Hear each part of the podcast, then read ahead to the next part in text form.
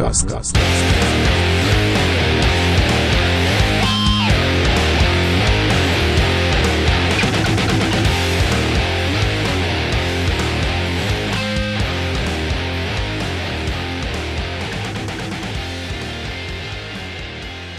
Czternasty młotka przed nami. Jesteśmy się w znacznie lepszych humorach, bo West Ham wygrał pierwszy raz od sześciu spotkań mecz o stawkę. Dzisiaj ze mną są moi stali współprowadzący, czyli Łukasz Papuda, Piotr Świtalski. Siema, cześć. Agenda na dzisiaj to podsumowanie spotkania z Brentford. Następnie przejdziemy do zapowiedzi meczu ligowego z Wolverhampton. Przyjrzymy się także formie Saida Benramy i skomentujemy plotki transferowe. Panowie, wielka rzecz, bo spotkanie nie wygraliśmy od paru dobrych miesięcy. Powiedzcie mi, jakie są pozytywy poza trzema punktami płynące z tego spotkania? Piotr. Moim zdaniem pozytywne jest to, że dzięki, dzięki awansowi, dzięki zwycięstwu może się po prostu tutaj budować pewność siebie drużyny. Zagraliśmy w bardzo mocnym składzie. Sporo zawodników takich, których pewnie zobaczymy z Wolves, czy, czy też widzieliśmy ich wcześniej w meczu z Leeds. To jest to trochę co, o czym rozmawialiśmy na ostatnim podcaście, że, że obstawialiśmy jaki, jaki skład wyjdzie i, i trochę nasze przemyślenia się sprawdziły, szczególnie twoje Maciek, gdzie mówiłeś, że właśnie obstawiasz, obstawiasz skład, który będzie w miarę mocny i który, który prawdopodobnie może w większości zagrać z Wolves. I na pewno West Ham w, naszej sytuacji, jakiej, jakiej jesteśmy, to każde zwycięstwo, nieważne w jakich rozgrywkach jest ważne i może, i może drużynę podbudować i może to morale poprawić w zespole. I, I też tym bardziej cieszy to, że wygraliśmy w końcu z Brentford, bo Brentford było zespołem, który nam zupełnie leżało. Ja wiem, że ta drużyna grała w bardziej okrojonym składzie w sobotę, ale no jednak trzy punkty, trzy punkty awans, awans do kolejnej rundy na pewno cieszy i trzeba pamiętać, że, że no teraz czekają nas bardzo ciężkie i istotne mecze w lidze, a takie zwycięstwa właśnie w takich meczach mogą, mogą nas mocno podbudować. Łukasz, jakie są Twoje obserwacje e, z tego spotkania? Tak, no wynik jest największym plusem. E, tak chyba wspólnie uznaliśmy, że ten puchar no, nie jest naszym priorytetem, biorąc pod uwagę naszą dyspozycję w lidze i musimy się skupić na lidze, ale jednak wygranie meczu ma, ma, znaczenie psychologiczne i nam tych zwycięstw brakuje i mamy taką mentalność przegrywa moim zdaniem i to widać na boisku, że się po prostu boimy, że no, ta motywacja nie widać jej po prostu w, w zagraniach, w tym, w, tym, w tym jak gramy, jak się prezentujemy na boisku, więc to zwycięstwo mam nadzieję pomoże zbudować taką pewność siebie. Niestety ciężko jest szukać więcej pozytywów, bo to nie był dobry mecz, moim zdaniem. Znaczy, e, graliśmy w okrojonym składzie, Brentford jeszcze bardziej okrojonym składzie, jak Piotrek powiedziałeś, ale no, moim zdaniem nie zagraliśmy tego meczu dobrze. Tam się niewiele działo w tym spotkaniu. A to był taki mecz, że można było właśnie zaryzykować, trochę wyjść do przodu. Nie było dużo do stracenia, bo odpadnięcie z tego pucharu to nie jest. To, to nie byłaby taka, taka też, też ogromna tragedia w naszej, w naszej obecnej sytuacji. My zagraliśmy bardzo defensywnie. E, dużo zmian w składzie nie było tak naprawdę, bo e, no, zagrały nowe twarze i zrozumiałe jest, że David Moyes spróbował innych boków obrony, bo to jest nasz taki słaby punkt, więc e, dobrym pomysłem moim zdaniem było zagranie właśnie Johnsonem i Emersonem, żeby zobaczyć jak oni się prezentują, ale niestety ten mecz nie pokazał, nie, nie dał, nie, nie, napawał optymizmem, bo niestety Johnson był jednym z najsłabszych zawodników na boisku.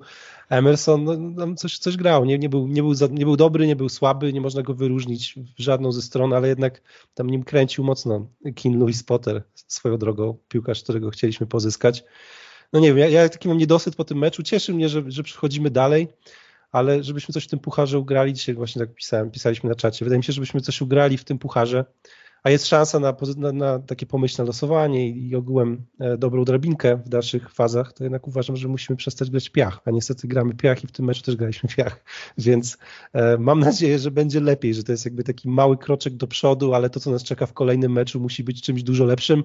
Jeszcze jeden, jedną rzecz dorzucę, że strasznie e, słabo odbieram wybory Davida Moysa i to, że nie zagrał Said Benrama, bo jednak jak widzieliśmy po raz kolejny wszedł z ławki.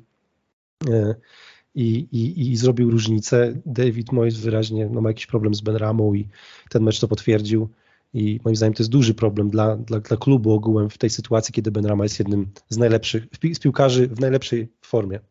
ten mecz pokazał, że musimy się już przyzwyczaić do tego, że David Moyes za wszelką cenę będzie szukał tej trójki w środku polo Paketa, Sołczek, Rice, bo widzimy, że kolejny mecz gra tą trójką, nawet w meczu pucharowym.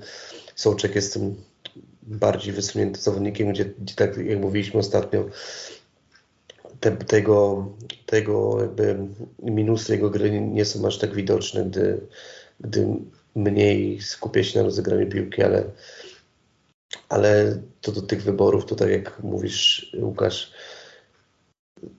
gra Johnsona, Emersona może nie jeszcze tak do końca, ale pokazała, jakie, pokazała kolejny raz, jakie mamy ogromne problemy na bokach obrony.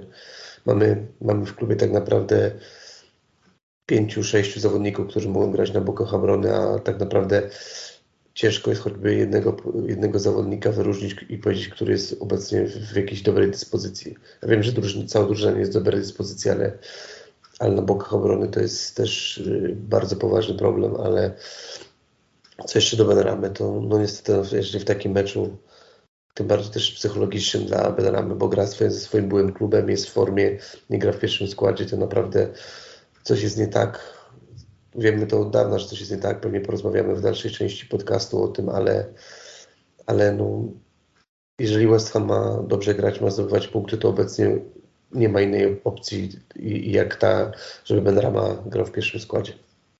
Ja bym się odniósł do pomeczowej wypowiedzi Moisa, gdzie on powiedział o tym Benramie coś tu, że jest impact player, czy tam player, który właśnie może zrobić, zrobić impact po wejściu i zacząłem się zastanawiać, E, abstrahując od ewentualnych antypatii, jakie może do niego mieć, czy on go tak właśnie traktuje, czyli piłkarz, który nie da mu tego pressingu przez większość spotkania, a to daje Fornals, tylko on go widzi jako takiego zadaniowca, jak kiedyś Wiśle Płocki Rekieleń, który ma wejść w 60 minucie na podmęczonego rywala i ich zabiegać. I zastanawiałem się, czy Mois też go trochę tak nie widzi i czy to nie jest jakiś pomysł na utylizację jego umiejętności, czyli wchodzi na podmęczonego rywala i faktycznie tutaj to zrobił. Wszedł, strzelił bramkę, potem miał wyśmienitą sytuację, gdzie szliśmy dwa na jednego i to spektakularnie zepsuł, umówmy się. Za to, gdyby to był Antonio, to wieszaliby kibice psy na nim z tydzień. Zgadzam się z wami, że widać, że te relacje Moisa z Benrabą nie są najlepsze. Widać to w komentarzach, widać to w tym, jak Szkot go traktuje. Ale tak sobie pomyślałem, być może on ma taki właśnie pomysł na tego zawodnika, z którym ja się nie zgadzam. Po prostu na potrzeby dyskusji przedstawiam inny punkt widzenia troszkę. Trzy punkty były. Łukasz, co jeszcze myślisz o tym meczu? Tak, no, znaczy też tak sobie myślałem, nie, że to będzie taki Ole Gunnar Solskjaer nasz, że będzie wchodził z ławki, robił różnicę i w zasadzie da się to obronić, nie, bo on rzeczywiście wchodzi z ławki i robi różnicę i zawsze taki David Moyes mógłby powiedzieć, no może gdyby właśnie że to jest jego rola, nie? I że taka specyfika piłkarza, że jeszcze jak ma podmęczonych rywali, to, to ten impact jest. Mogłaby jest to być część planu naszego, tak naprawdę. Dokładnie, dokładnie, taka no, rola w zespole. Ale jednak uważam, że w sytuacji, kiedy nam brakuje takich piłkarzy, którzy są w stanie zrobić różnicę w ofensywie, bo kiedy Bowen jest, jest przyblokowany, choć miał, miał dobre momenty w tym meczu, ale jednak uważam, że jest daleko od tej formy swojej, kiedy był w stanie jeden na jeden po prostu wygrywać pojedynki, pchać tą grę do przodu e, tak naprawdę nie ma takiego piłkarza. My, my na skrzydłach nie robimy, nie stwarzamy zagrożenia. No nasi, nasi boczni obrońcy, nie? Tam to, tak jak rozmawialiśmy, wrzucają te balony w pole karne, które tak naprawdę z, z nich nic nie wynika. Ben Rama na lewej stronie, jak, jak, tam jak wszedł i zaczął grać, no to tam się coś zaczęło dziać w końcu. I uważam, że on musi grać od pierwszej minuty. Gdybyśmy mieli więcej takich piłkarzy, i by się okazało, o, Benrama jak wchodzi z ławki, to robi różnicę, zrozumiałbym takie podejście Davida Moisa, ale my nie mamy kłopotu bogactwa piłkarzy kreatywnych, ofensywnych, znaczy mamy ich w zespole, ale oni nie, nie grają poniżej oczekiwania. Benrama ma formę, robi różnicę, powinien wchodzić wcześniej przynajmniej, albo, albo no, grać cały mecz, moim zdaniem.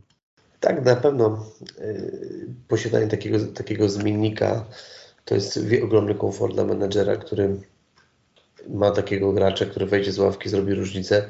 No ale tak jak Łukasz powiedziałeś, problem jest w tym, że co, co z tego, że ma takiego zmiennika, jak nie ma lepszych zawodników do wyjściowego składu, tak? Bo, bo nie pamiętam, żeby nasz skrzydłowy jakiś w ostatnich meczach zagrał, zagrał na takim poziomie, jaki prezentuje kilku spotkań Benrama. Bo on ma, tak jak mówisz, momenty. Fornals, Fornals jest też pod formą, Lanzini nie gra, więc z ofensywnych pomocników to tak naprawdę mamy, mamy małe, małe pole manewru i I tego Benramę trzeba po prostu z, z, korzyścią dla zespołu będzie to, jeżeli będzie grał w wyjściowym składzie, bo to jest, to jest gracz, który ok, ma, ma te słabsze wybory, ma czasami po prostu kolokwialnie mówiąc zamotać i czasami gdzieś tam ma takie sytuacje, że, że powinien zrobić, zrobić coś lepiej, no ale to jest taki charakter piłkarza, więc jeżeli takiego piłkarza masz, to, to pozyskujesz jego wady i zalety tak naprawdę. Musisz wiedzieć, jak go wykorzystać. To nie Dokładnie jest tak. kolejny kamyczek do ogródka Moisa. Mois uwielbia asekurancki styl gry, o czym doskonale wiemy i widzimy, że piłkarze, którzy podejmują ryzyko, a to się wiąże z tym, że czasem będzie to zła decyzja, nie są jego faworytami.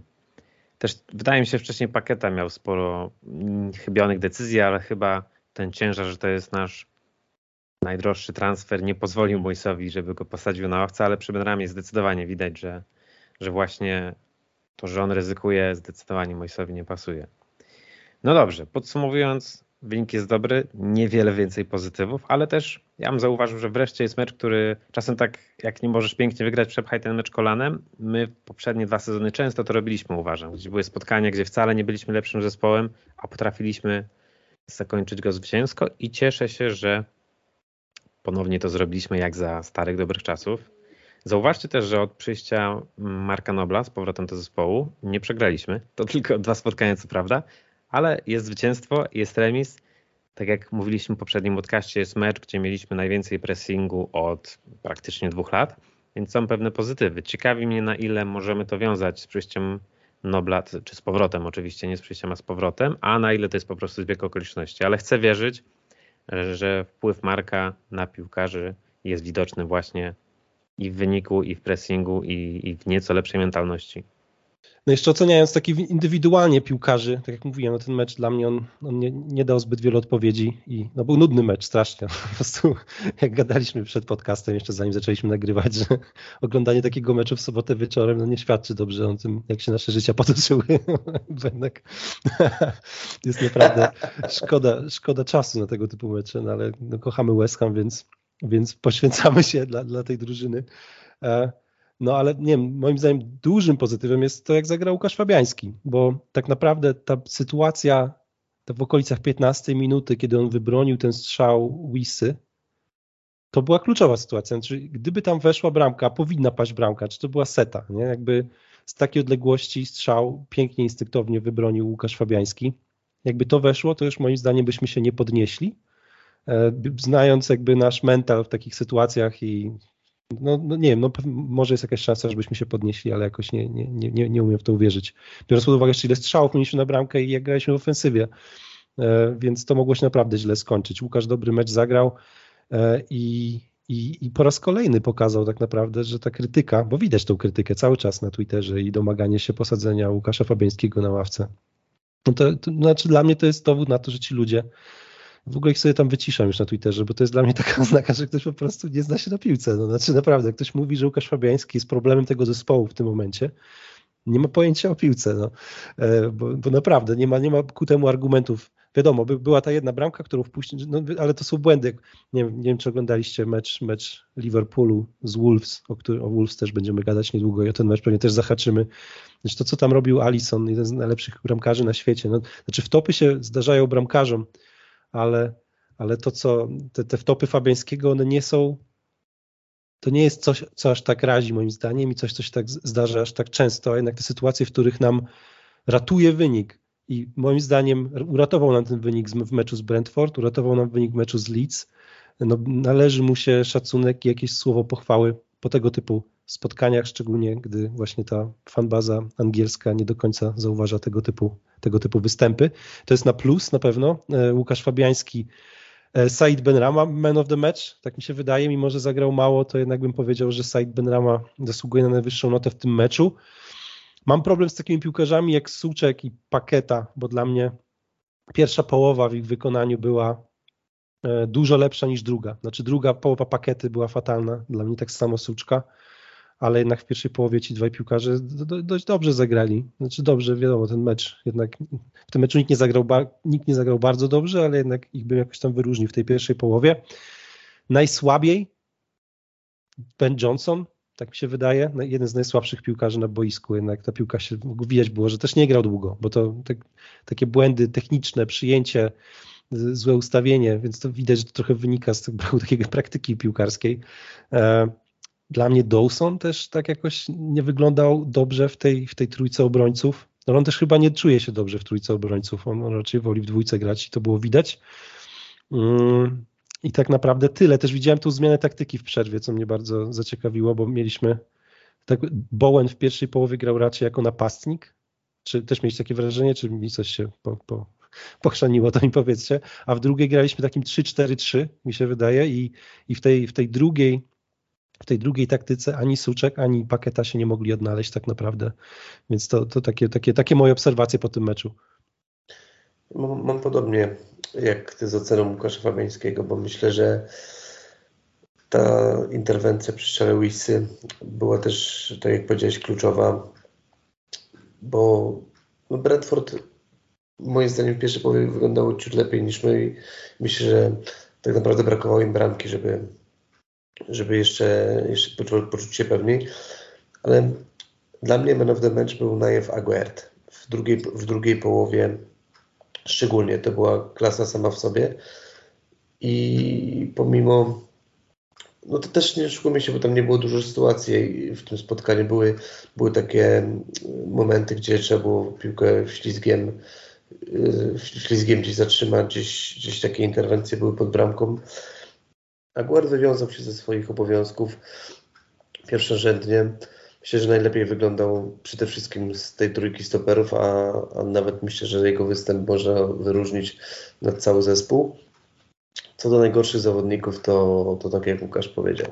Dla mnie też Ben Johnson i to jeszcze bardziej uwypukla to, jaki mamy problem na, na prawej obronie nie zagrał, nie zagrał dobrego spotkania, ale no myślę, że jeszcze tak jak, tak jak rozmawialiśmy, Said Ben Rama to był gość, który wszedł, zrobił różnicę w paru sytuacjach, choć czasami te wybory nie były najlepsze, ale wszedł, zdobył bramkę i, i na pewno na, na pewno to, to jeszcze bardziej go podbuduje, choć zobaczymy jak to będzie z tym, co David Moyes wymyśli. Ale też bym wyróżnił Rice'a, bo, bo dobrze sobie radził w środku pola, chociaż zdarzały mu się straty, ale ten kluczowy, kluczowy odbiór piłki ślizgiem i, i ta asysta przy golu Benramy to naprawdę top. Więc myślę, że ciężko cokolwiek tak powiedzieć, tak wyróżnić jako, jakoś bardzo, bo ten mecz, bo ten mecz nie, był, nie był zbyt piękny, ale ale jeżeli już mam na siłę wyróżniać, to dla mnie Aguert, Rice, Fabiański to taka trójka. Przejdziemy płynnie do rezultatów losowania kolejnej rundy, gdzie zagramy z Derby. To zespół, który spadł e, z Championship, aktualnie gra w League One. Co myślicie o tym losowaniu? Łaskawe losowanie, moim zdaniem. To są dobre drużyny w stawce. E, Derby tak naprawdę nie wygrało z nikim, z nikim dobrym jeszcze w tej drabince FA Cup więc e, to daje nadzieję, ale my też wiemy wszyscy chyba bardzo dobrze, że my potrafimy męczyć bułę z, z, ze słabymi drużynami. Nie ma reguły tutaj. W pucharzu możemy naprawdę, każdy może nam się, nam się postawić, ale, ale to jest dobre losowanie, obiektywnie rzecz biorąc. Um, tak popatrzyłem sobie na wyniki e, Derby i tam, i tam no, e, szczególnie wrzuca się w oczy te, ten mecz z Liverpoolem w, w Carabao Cup, gdzie oni zremisowali 0 do 0, co uważam jest dobrym wynikiem i odpadli dopiero w rzutach karnych, więc to może pokazywać, że oni mogą mieć apetyt na puchar.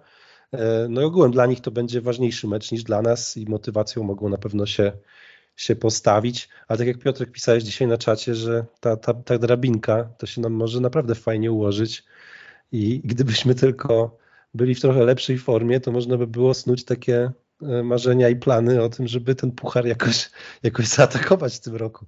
No ale niestety w obecnej formie mi ciężko takie, takie dywagacje, ale, ale obiektywnie oceniając szanse na, na pozytywne losowania i, i tak dalej, to, to chyba wygląda to całkiem dobrze. Też myślę, że, że losowanie jest spoko. Mamy trzecioligowca, chociaż rzeczywiście derby ma aspiracje, żeby awansować i szybko wrócić do, do Championship no ale wiadomo, jeżeli gramy z zespołem z niższej ligi, to z automatu oczekuje się nas awansu i myślę, że tak powinniśmy do tego podchodzić, choć nie będzie łatwo, bo czy to mecz z Blackburn w tym sezonie, czy to, czy to spotkanie zeszłego sezonu z Kinderminster Harriers, gdzie, gdzie po dogrywce dopiero szczęśliwie awansowaliśmy do kolejnej rundy, pokazują, że no, po, nie, czasami mamy, mamy takie lekceważenie tych przeciwników i też, też ważnym czynnikiem jest to, co Łukasz powiedział, że to jest zawsze, zawsze ważniejszy mecz dla tego rywala niż notowanego, tak? Ale no miejmy nadzieję, że, że uda nam się awansować, bo przy odrobinie szczęścia możemy zaraz, zaraz się znaleźć w jednej ósmej, w jednej czwartej, jeżeli by nam mielibyśmy dobre losowanie. Oczywiście, że nie jesteśmy w formie i jeszcze daleka droga do tego, ale, ale na pewno patrząc na losowanie, patrząc, że niektóre czołowe drużyny już odpadły, niektóre czołowe grają między sobą, więc jest szansa, szansa na dobry wynik, i, ale oczywiście trzeba się skupić na meczu z Derby i, go, i go wygrać.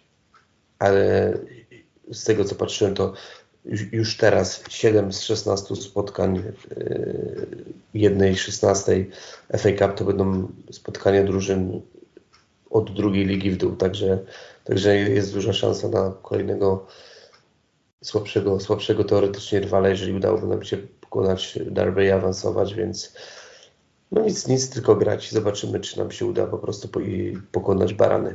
Przed meczem z Derby czekają nas jeszcze spotkania ligowe, w tym nadchodzący mecz z Wolverhampton. Nasi rywale zajmują aktualnie przedostatnie miejsce w tabeli, choć mają zaledwie jeden punkt mniej od nas. Trzeba przyznać, że tu tabeli jest naprawdę spłaszczony, bo 19 Wolves dzieli od 13 Leicester raptem 3 punkty, czyli jedno zwycięstwo może tu sporo odmienić.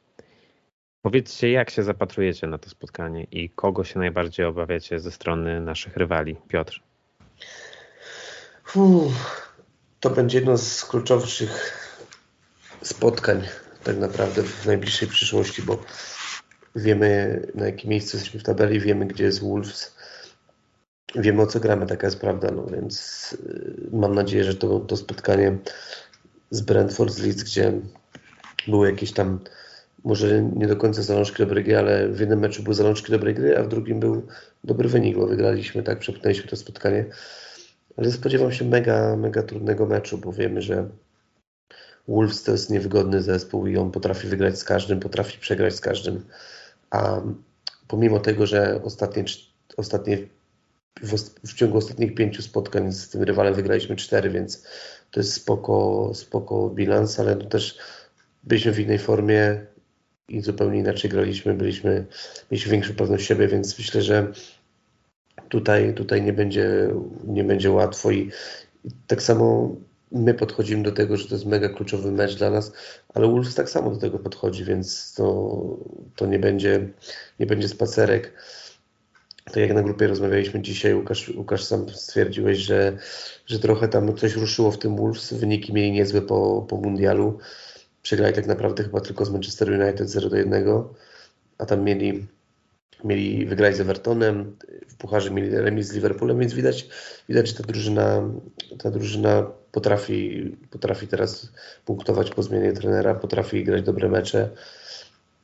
Ale co, co, co do twojego, drugiej części Twojego pytania, kogo się, kogo się obawiam, to tak naprawdę teraz obecnie w tym w Wolves nie ma jakiegoś takiego zawodnika, którego bym się bardzo bał.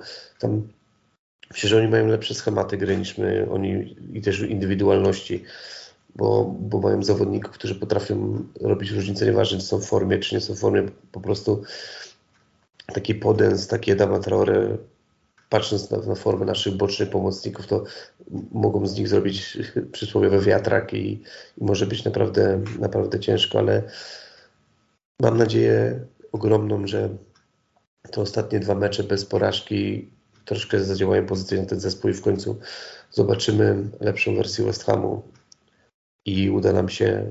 Przede wszystkim liczę na to, że nie przegramy, bo to jest klucz, bo remis wiadomo w naszej sytuacji nie będzie jakimś super wynikiem, ale no też pamiętajmy, że remisując mecz też nie, nie, nie dajemy kompletu punktów rywalowi, tak, a, a jeżeli to jest bezpośredni rywal, to to jest kluczowa porażka z takim rywalem, to będzie bolała dwa razy mocniej. No, zgoda, ale jednak uważam, że szykuje nam się ten gorszy terminarz po meczach z Wolves i Evertonem. Tam będą cięższe mecze. Jak my teraz nie będziemy wygrywać, to mi się wydaje, że potem może być, może być problem ze zbieraniem punktów po prostu, bo my słabo gramy z lepszymi od siebie, niestety. E, więc ja bym tu naprawdę liczył na, na trzy punkty z Wolves, ale nie, nie jestem optymistą przed tym meczem. Jeszcze po tym spotkaniu e, z Liverpoolem, gdzie oni naprawdę, no popatrzcie na nasze spotkanie z Brentford i na ich spotkanie z Liverpoolem, porównajcie te dwie drużyny. Przecież no my, my no oni, oni wyszli tam bez kompleksu. W ogóle ten, ta sytuacja z Warem i tak dalej, gdyby, no, różnie mogło się to skończyć, szczerze mówiąc, ten mecz i oni mogli spokojnie wygrać ten mecz. E, i, i, I, właśnie takie, patrząc na, tak jak mówisz, te schematy, nie? że jak oni konstruują akcję ofensywną, to widać po prostu, że to jest, to jest wszystko szybciej, jest dużo groźniej. Taki ten Adama Traore, który średnio miał te dośrodkowania zawsze, on raczej był lepszy w bieganiu i kiwaniu.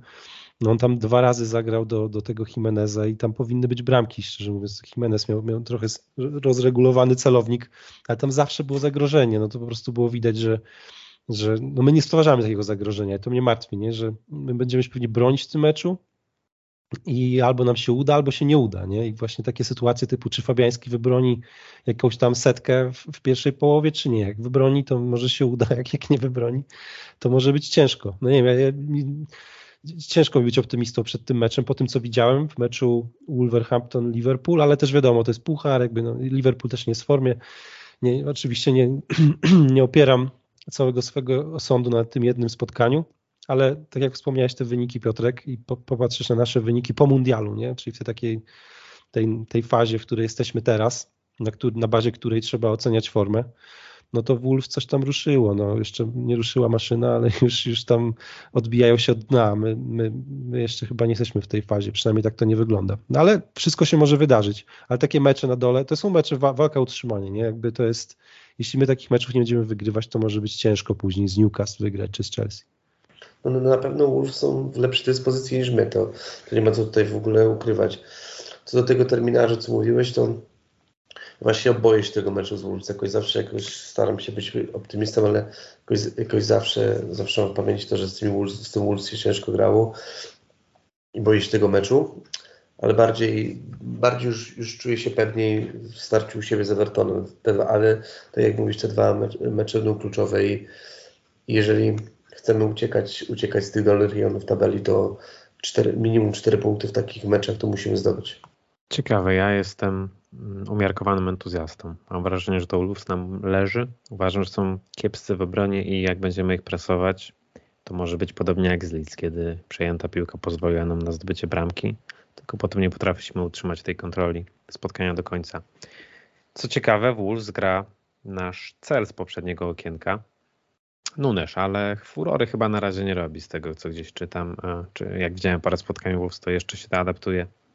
Dobrze, czyli wasz typ na wynik? Ja bym powiedział 1-1. Łukasz? No ja chciałem, żebyśmy wygrali 1-0, ale to jest bardziej serce niż rozum tutaj no, mówi, przemawia. Maciek, ty? Ja myślę, że będzie 2-1 dla nas. O, Myślę, że ale czuję.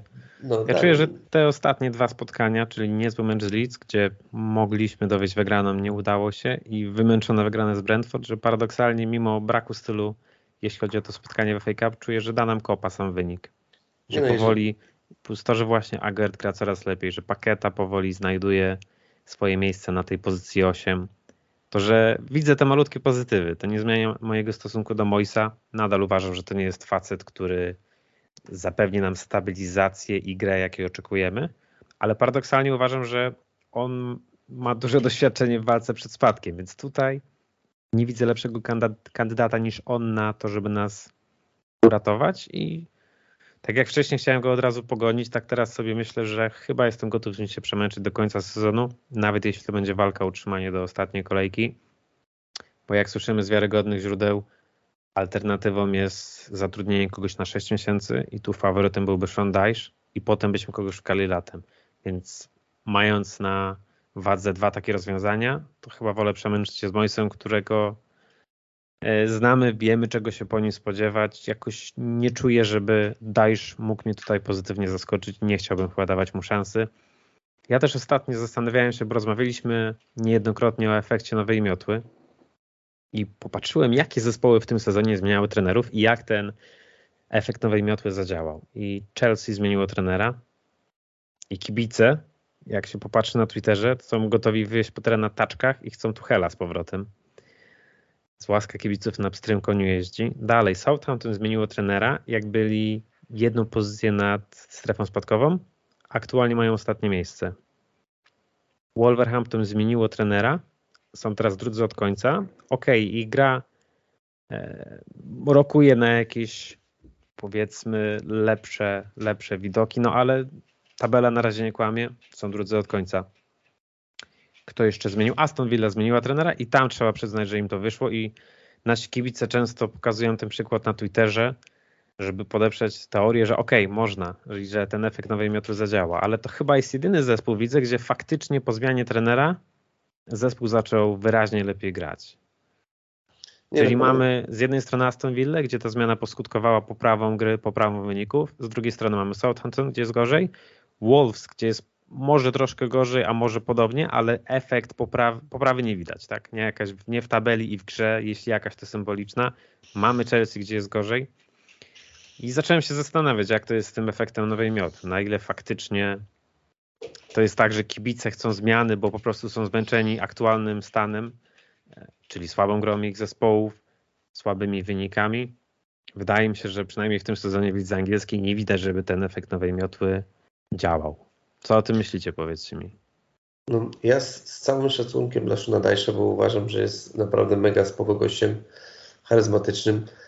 Ale pomyśl sobie jedną rzecz, co sobie Paweki ma pomyśleć Declan Rice, Lukas Paketa czy Lukas Kamaka, jak, jak ambicjach klubu, jak przyjdzie taki menedżer jak Dyche, który który wiemy, wiemy na czym bazuje, tak? Jak, jak taki paketa będzie miał, teraz już mu widać, że to przeszkadza, że gramy dużo wrzutek, mało, mało, mało gramy piłką, to co będzie za Dajsza, gdzie, gdzie tak naprawdę y, nie wierzę, że, że Dajsz zmieni swój styl gry i będziemy wykonać tylko piłki od stoperów na napastnika i nic więcej tak naprawdę.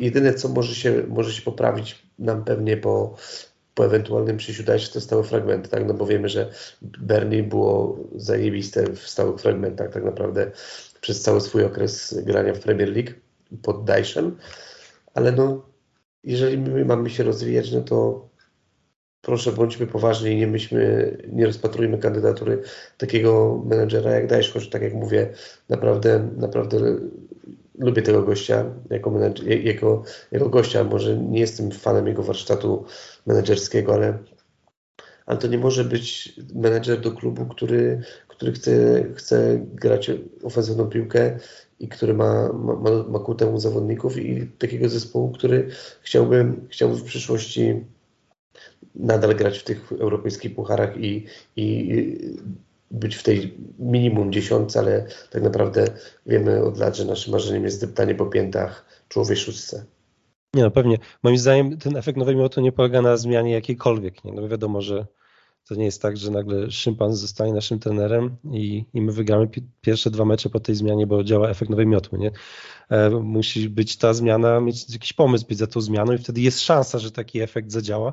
No znamy z historii, znaczy to no, oglądamy futbol już od lat i są takie przypadki, nie? ich jest całkiem sporo, nie? że zmieniasz trenera, jest taki impuls, My też tak mieliśmy, pamiętam, z Alanem Kurbiszlejem mieliśmy tak, że on przyszedł, tam wygraliśmy z Manchester United, a potem, potem przyszła szara rzeczywistość, bo się po prostu te, te, ta ekscytacja wyczerpała i, i, i zaczęły się jakieś tam tarcia wewnętrzne. No wiadomo, to tak zawsze jest, że no początek jest, jest ekscytujący i łatwiej się zmotywować na początku czegokolwiek, nie? Nowej pracy, czy właśnie jak przychodzi nowy trener, a potem przychodzi rutyna, nie? I z tą rutyną albo sobie radzisz dobrze, albo źle. I ten trener albo ma pomysł, albo nie.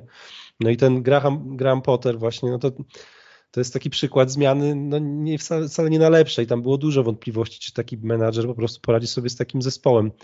I nie dziwię się kibicom Chelsea, nie, że, że chcą Tuchela, bo Tuchel to jest jednak trener na, na dla dużych piłkarzy, dla, dla gwiazd. Nie? On jest w stanie poradzić sobie z gwiazdami i z dużym zespołem i, i grać w Lidze Mistrzów.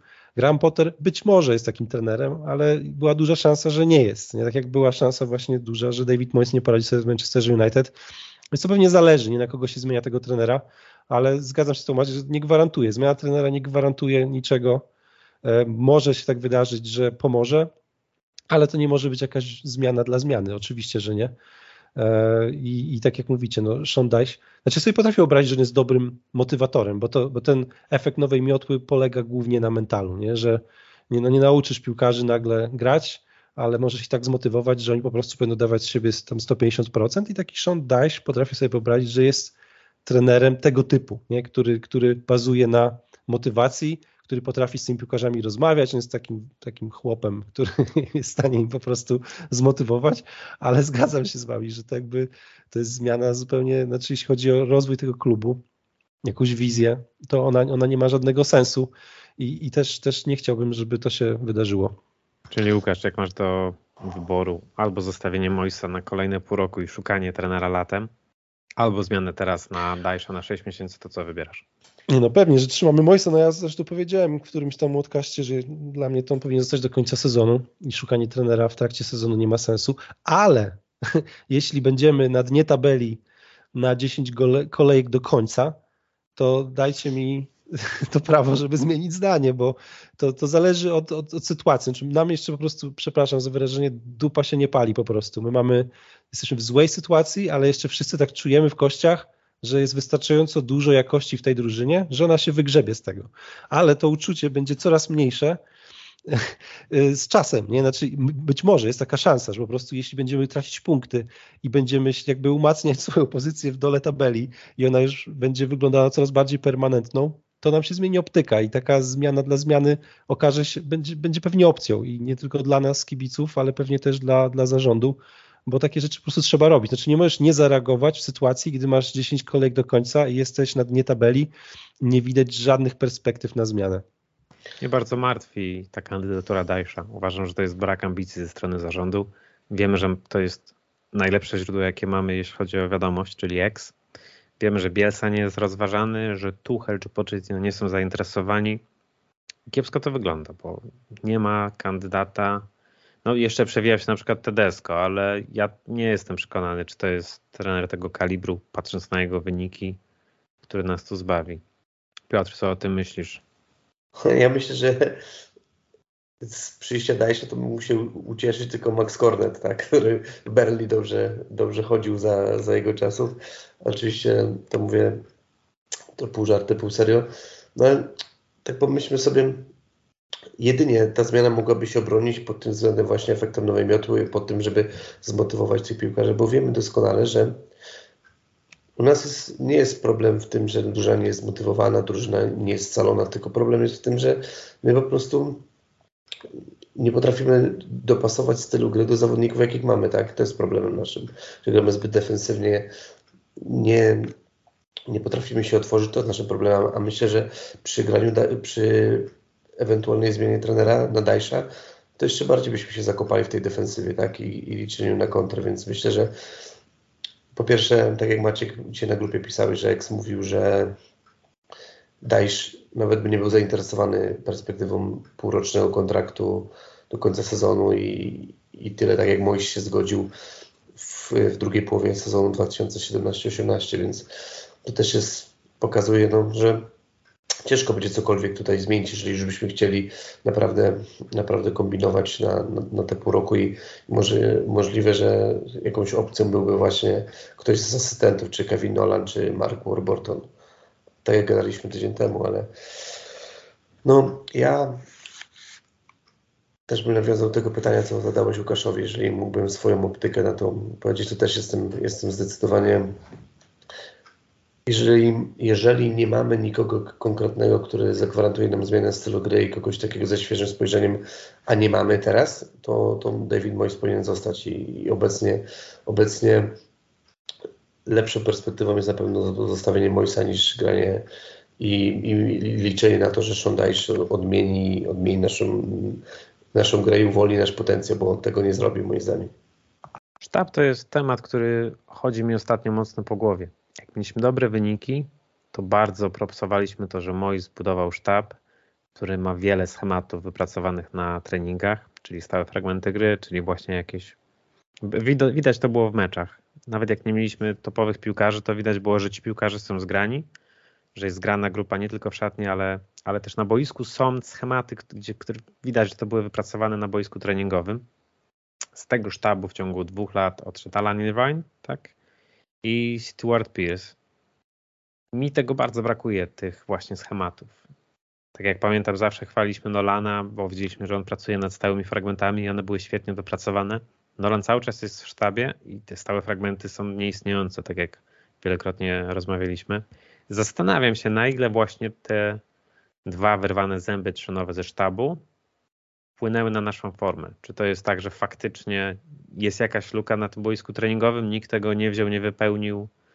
Hmm, właśnie na pewno piłkarze trenują i na pewno tam są jakieś pomysły, ale być może nie ma tak dobrego konceptu, jaki był wtedy. Oczywiście po części na pewno rywale nas rozgryźli, więc wtedy trzeba wejść z nowym pomysłem. Być może w aktualnym sztabie tego zabrakło. Też Paul Newin jest w sztabie reprezentacji Anglii. On się skupia głównie na grze defensywnej. No i ta nasza defensywa nie wygląda, to znaczy, ok, jest dużo błędów indywidualnych, czasem się włączamy, ale jak spojrzymy na stracone bramki, to my nie wyglądamy aż tak wcale źle. Warburton miał odpowiadać za grę ofensywną i rzekomo to, był, to miał być jego konik. No i tutaj nie widać jakiegoś progresu. Ciekawi mnie cały czas rola tego człowieka u nas, nie będę ukrywał. Wiadomo trochę, że to jest człowiek zarządu, że Mois go ok, zaakceptował, ale to nie jest tak, że to jest człowiek Moisa. A wiadomo było, że Alan Irvine to był człowiek Moisa przez całą karierę. Wiadomo było, że Stuart Peace to też, był, to też był jego człowiek. On był z nim podczas pierwszej kadencji. Jak zapewne pamiętacie, podczas drugiej kadencji zarząd się początkowo nie zgodził go przywrócić, bo on na zakończenie tej pierwszej kadencji udzielił paru komentarzy, które się zarządowi nie spodobały, bodaj związane z brakiem ambicji, coś, coś te tony. Finalnie zgodzili się, by go przewrócić, ale tutaj też można szukać przyczyn naszej słabszej dyspozycji. I też chyba nie od razu, sztab... nie? Mhm, zgadza też się, że ten sztab nie jest to nie jest do końca ten team Moisa, mam wrażenie. To znaczy jest teraz taki patchwork family i ciekawi mnie, czy oni potrzebują więcej czasu w takim składzie, bo jednak Warburton jest z nami pół roku, jeśli tak, od, od letniego okienka, czyli nawet jeszcze nie pół roku, powiedzmy sobie pięć miesięcy. Świetnym newsem jest oczywiście to, że wrócił Mois do sztabu. No i zobaczymy, zobaczymy jak to się przełoży na nasze wyniki. Kto wrócił do sztabu? Noble. Noble. Mois. powiedziałem Mois, tak? No nie, Mois jest, tak. nigdzie się nie rusza. Tyle o nim mówimy, że po prostu jego nazwisko mi dzwoni w uszach. Dobrze, ja myślę, że możemy... Ja, ja, ja, też jeszcze, jeśli mogę hmm? do tego tematu sztabu, też jest, ważne jest to, też już kiedyś, kiedyś to mówiłem, ale to też może nie do końca jest usprawiedliwienie, może nie, może macie inne zdanie, ale jest nowy sztab, jest yy, tak naprawdę ten sztab miał, miał czas w, w okresie przygotowawczym i tak naprawdę teraz przed startem yy, drugiej rundy jakieś schematy takie dłuższe gdzieś powprowadzać, bo wiemy, że no, w tej europejskiej pucharze, zagraliśmy najwięcej meczów ze wszystkich drużyn w, Premier League obecnie w tym sezonie i tak naprawdę to jest, to jest taka to przez większość tego czasu od, od sierpnia do, do mundialu mieliśmy tylko treningi strzeleckie i tylko regeneracji. Nie, nie było czasów mikrocyklów pełnych tygodniowych, żeby, żeby coś takiego wprowadzać. Oczywiście to może na takim poziomie może to mieć zabawnie, że to nie jest jakaś tam wymówka, ale, moi, ale ja uważam, że to jednak ma jakiś wpływ. Temat, który też mi chodzi po głowie i ja go chcę wielokrotnie poruszyć, tylko trudno mi go rozbić na czynniki pierwsze, to są te stałe fragmenty gry, bo trudno mi powiedzieć, co się zmieniło, że my nagle przestaliśmy dobrze egzekwować. To jest tak, że wcześniej wykonywali je Bowen, Fornals, Cresswell, piłkarze, którzy są cały czas w składzie. Wykonywał je czasem Nobel, powiedzmy, jak już nie było kogoś z, e, z wspomnianej trójki na boisku. Jego nie ma, ale on nie był pierwszym wyborem, jeśli chodzi o egzekucję tych stałych fragmentów. Mamy cały czas piłkarzy dobrze walczących w powietrzu i ja nie potrafię powiedzieć, co się stało, że my nagle a, nie wygrywamy z przodu pojedynków i b, przegrywamy wiele w tyłach, gdzie wiadomo, że łatwiej się z reguły bronić. A my nawet z takim Leeds gdzie nie było, ok, jest paru piłkarzy nieźle grających głową, ale uważam, że nie mają co się równać z nami, a z przodu to mają w ogóle Gnonto, który ma 170 i, i Somerville, który też jest podobnych gabarytów. Bardzo mnie zastanawia, co się stało, że my nagle nie potrafimy pierwszego obrońcy regularnie przebić podczas stałych fragmentów, że Czoufal czasem podchodzi do rzutów wolnych, a rozmawialiśmy wielokrotnie o tych jego dośrodkowaniach i I chciałbym tutaj konstruktywną dyskusję przeprowadzić, ale ja naprawdę nie mam pojęcia, co się stało. To nie wierzę, że przestaliśmy trenować. I już, dwa lata temu byliśmy najlepszym zespołem w lidze w tej kategorii. I nagle nie mam teraz statystyk pod ręką, ale nie przypominam sobie wielu bramek w tym sezonie po stałych fragmentach gry. Nie licząc oczywiście rzutów karnych. Poprze tak? W poprzednim tygodniu już staraliśmy się rozkminić to tak. i doszliśmy trochę do wniosku, że to może właśnie przez jakość dośrodkowania, ale mi też jest ciężko cokolwiek powiedzieć. Myślę, że w poprzednich dużo, dużo częściej dochodziliśmy do tych sytuacji. Tak teraz tak naprawdę ciężko nam jest dojść do takich klarownych sytuacji. Ostatnia, jaka mi się przypomina, to z Brentford chyba Craig Dawson, co miał w, przy stanie 0-0 bardzo Miał też Aguerd z Leeds główkę przy 2-1. O tak, tak, zdecydowanie. Ale, właśnie to też... Dawson to jest piłkarz, któremu jak wrzucisz piłkę w jego okolice, to wiadomo, że on staranuje wszystkich rywali i dojdzie do, do główki. Tylko znowu nie przebijamy tego pierwszego obrońcy bardzo często. Jest to naprawdę niepokojące. Pozostaje nam liczyć i życzyć sobie, że sztab nad tym pracuje. Dobrze, panowie, myślę, że płynnie przejdziemy do newsów od Exa, bo otworzyło się okienko transferowe. Tych newsów trochę jest. To co, zacznijmy od piłkarzy, którymi się interesujemy i celem numer jeden jest nasz stary, dobry znajomy Ennesyri. Złożyliśmy ofertę wypożyczenia z opcjonalnym wykupem, z tego co dobrze zrozumiałem. Ta oferta została odrzucona przez e, klub i podobno sam piłkarz też nie jest zainteresowany ofertą wypożyczenia. On by rozważył tylko ofertę przy obowiązkowej, mm, przy obowiązkowym wykupie. I Sevilla również, akurat podobno Sevilla rozważyłaby albo przy obowiązkowym wykupie, albo przy wykupie związanym z występami bądź bramkami. Czyli jeśli będzie klauzula, że przy 10 spotkaniach go wykupujemy, klub jest w stanie na to iść. Sam piłkarz nie wiadomo. Sam piłkarz chciałby jasną sytuację i chciałby czuć się pożądany przez klub. Co jest z jednej strony zrozumiałe, z drugiej ja też rozumiem, że on nie miał ostatnio specjalnie dobrego zeszłego sezonu. Miał mm, dobre mistrzostwa jak całe Maroko oczywiście, ale rozumiem, że West Ham nie chce ryzykować kupowania czy zobowiązywania się do zakupu piłkarza z innej ligi, żeby nie skończyło się tak jak z Vlasiciem czy z innymi piłkarzami, którzy się nie do końca u nas odnaleźli. To, co działa na plus, z tego co ex mówił w audycji i tu przyznaję się bez bicia, że ja nie oglądam Ligi Hiszpańskiej aż tak dużo, więc tego nie wiem. Podobno Ennesir jest bardzo podobnym profilem do Antonio, czyli dużo biega, dużo pracuje dla zespołu, dużo stara się czy wchodzić na pozycję, jest profilowo dość podobny w stylu gry Łączeni z nim jesteśmy trzeci rok tak naprawdę, tak? E, co o tym myślicie? Łukasz, jak ty się zapatrujesz? Czy uważasz, że to jest piłkarz, który w ogóle, czy my traktujemy go jako zmiennika, czy jako piłkarza, który powalczył o pierwszy plac ze Skamaką i jak się zapatrujesz na ten potencjalny transfer? Tak jak mówisz, ten temat już od, od wielu lat się wałkuje i z tego, pamiętam, ex wiele razy mówił, że to jest taki napastnik, którego chciałby David Moyes. Więc dla mnie to jest wystarczający powód, żeby go kupić, bo często wymówką jest to, że on właśnie nie, on u to, to nie jest piłkarz dla Moisa, nie? więc jak już słyszymy, że ok, jest piłkarz, którego od trzech lat chce ściągnąć do siebie David Mois, to my powinniśmy go ściągnąć, żeby po prostu przestać gadać o tym, że piłkarze, których kupujemy za grube pieniądze, nie pasują do, do logiki i stylu Davida Moisa. Znaczy ewidentnie to jest piłkarz, który po prostu coś ma w sobie. Jeśli to jest profil Antonio, bo ja też kurczę nie oglądam tej hiszpańskiej, więc trochę głupio wyjdzie, bo może mam nadzieję, że Piotrek ogląda, to powie coś więcej na tym piłkarzu. Dla mnie, jeśli, jeśli to jest właśnie taki piłkarz jak Antonio, on jest, on jest bramkostrzelny, nie? I miał te takie dobre sezony, kiedy był wyceniany na tam Pamiętam, jakieś, jakieś kosmiczne oferty były. My, my, my oferowaliśmy 30 milionów i odrzucili. Okej, okay, ale to też były w tych czasach, kiedy to 30 milionów było trochę więcej warte niż teraz. Nie? Znaczy to były duże, duże pieniądze. Teraz on chyba nie jest tyle warty, jak mi się wydaje. Ciekawi mnie, ile on by kosztował teraz. On jest wciąż młody e, i, pokazał mundial, że on potrafi się przydać drużynie. Nie wiem, znaczy dla, dla mnie tak pierwsza moja myśl dzisiaj, jak, jak, jak Maciek dałeś nam znać na czacie, jakie są newsy od Exa, to tak usłyszałem o tym NSY, myślę, tak myślałem, po co nam napastnik? Znaczy, tak jak ty też to powiedziałeś zresztą, że nie jest naszym problemem napastnik, tylko to, co się dzieje za napastnikiem. Nie to, najbardziej palący na pewno, prawda? Dokładnie, nie? Ale jak potem ty, Piotrek, powiedziałeś, że kurczę, jesteśmy klubem z Premier League i musimy mieć tych trzech napastników w składzie, nie inne, inne kluby mają, tak sobie pomyślałem, tak przeleciałem przez różne kluby, jak sobie myślę, no, no rzeczywiście, nie? Znaczy, jak mamy tylko Antonio i Skamakę, jak Skamaka jest kontuzjowany, jedynym naszym wyborem z przodu jest Antonio, no to już te, te, to, nie, to nie jest tak, że mamy opcję nie? z przodu, nie mamy za bardzo opcji i, i może ma to sens. Znaczy, byłem, jest, tak zmieniałem zdanie dzisiaj sobie, jak o tym myślałem, ale podsumowując, jeśli Mojsko chce, jeśli to jest piłkarz pasujący do jego taktyki, jeśli jest dostępny w jakichś takich zdroworozsądkowych, e, na jakichś, na jakichś takich zdrowych warunkach, nie, że nie wywalimy za niego 30 baniek, to uważam, że to jest dobry pomysł.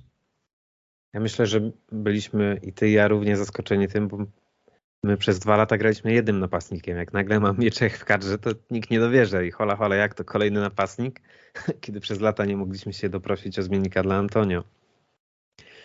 Ja myślę, że to 30 baniek to być może musimy liczyć. Raczej nie wierzę, że on przyjdzie za mniej niż 20. Też Sevilla jest w naprawdę nieciekawej sytuacji w tabeli, więc jestem pewien, że za czapkę gruszek go nie puszczą i muszą dostać dobrą ofertę, żeby on przyszedł, więc pewnie ten nawias 20, 20 do 30 milionów musi być e, gdzieś tu brany pod uwagę.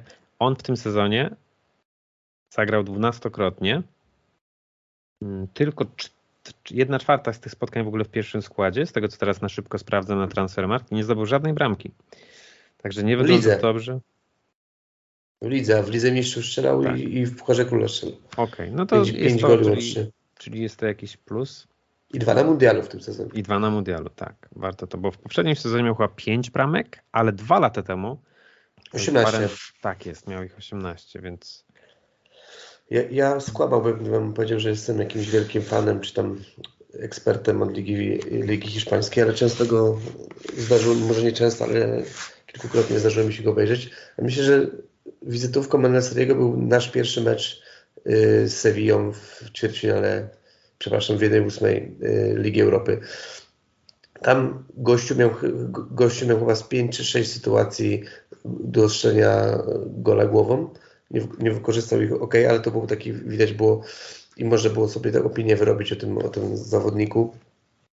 Jest to na pewno podobny, podobny gracz, bo bazujący na, na pojedynkach powietrznych jak Antonio, ale jest na pewno dużo, dużo lepszy technicznie. Tak? Jest lewonożny i ogólnie, ogólnie myślę, że no, piłkarsko jest po prostu lepszy niż, niż Antonio.